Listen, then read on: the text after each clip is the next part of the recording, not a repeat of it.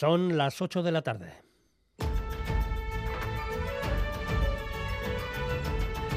Crónica de Euskadi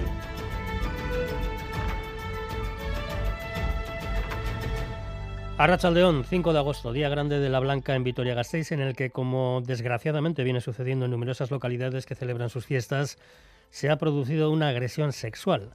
El presunto autor ha sido detenido poco después de los hechos esta madrugada tras ser increpado y perseguido por varios testigos.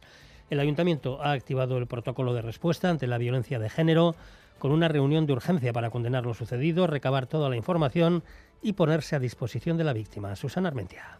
Sí, la agresión habría tenido lugar a las 2 de la madrugada cerca del Hospital Santiago, donde varios testigos han visto al hombre tumbado en el suelo sobre la mujer a la que estaba sometiendo a tocamientos en contra de su voluntad.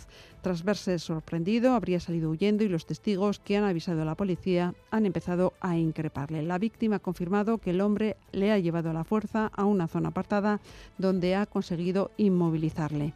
La concejala de Igualdad del Ayuntamiento Gastistarra, Ana López de Uralde, afirma que tolerancia cero ante este tipo de sucesos. Lo que no podemos es permitir tolerancia cero. Las, eh, las personas tienen que vivir libremente con sus convicciones, con, con, quien quieran y como quieran. Y tolerancia cero. Y si tenemos que implementar más acciones, seguiremos haciéndolo. Durante las fiestas, el ayuntamiento ha habilitado un punto morado entre las calles Postas e Independencia para prevenir, informar y actuar frente a la violencia machista. Está previsto que en las próximas horas el arrestado de 49 años pase a disposición judicial. Una portada en la que destacamos además el incendio que a estas horas sigue descontrolado en el norte de Girona y que ha calcinado ya 600 hectáreas, aunque eso sí sin causar daños personales. También el incendio de una granja avícola de Idiazábal que ha provocado importantes daños materiales.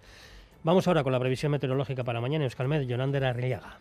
De cara a mañana domingo, las nubes seguirán acompañando, sobre todo durante la primera mitad del día y en la mitad norte, donde todavía podrían dejar algo de sirimiri, pero de cara a la tarde tenderá a ir levantando con unas temperaturas máximas que bajarán un par de grados mañana domingo. Y en nuestras carreteras, sin problemas en estos momentos, según el Departamento de Seguridad y el Gobierno Foral.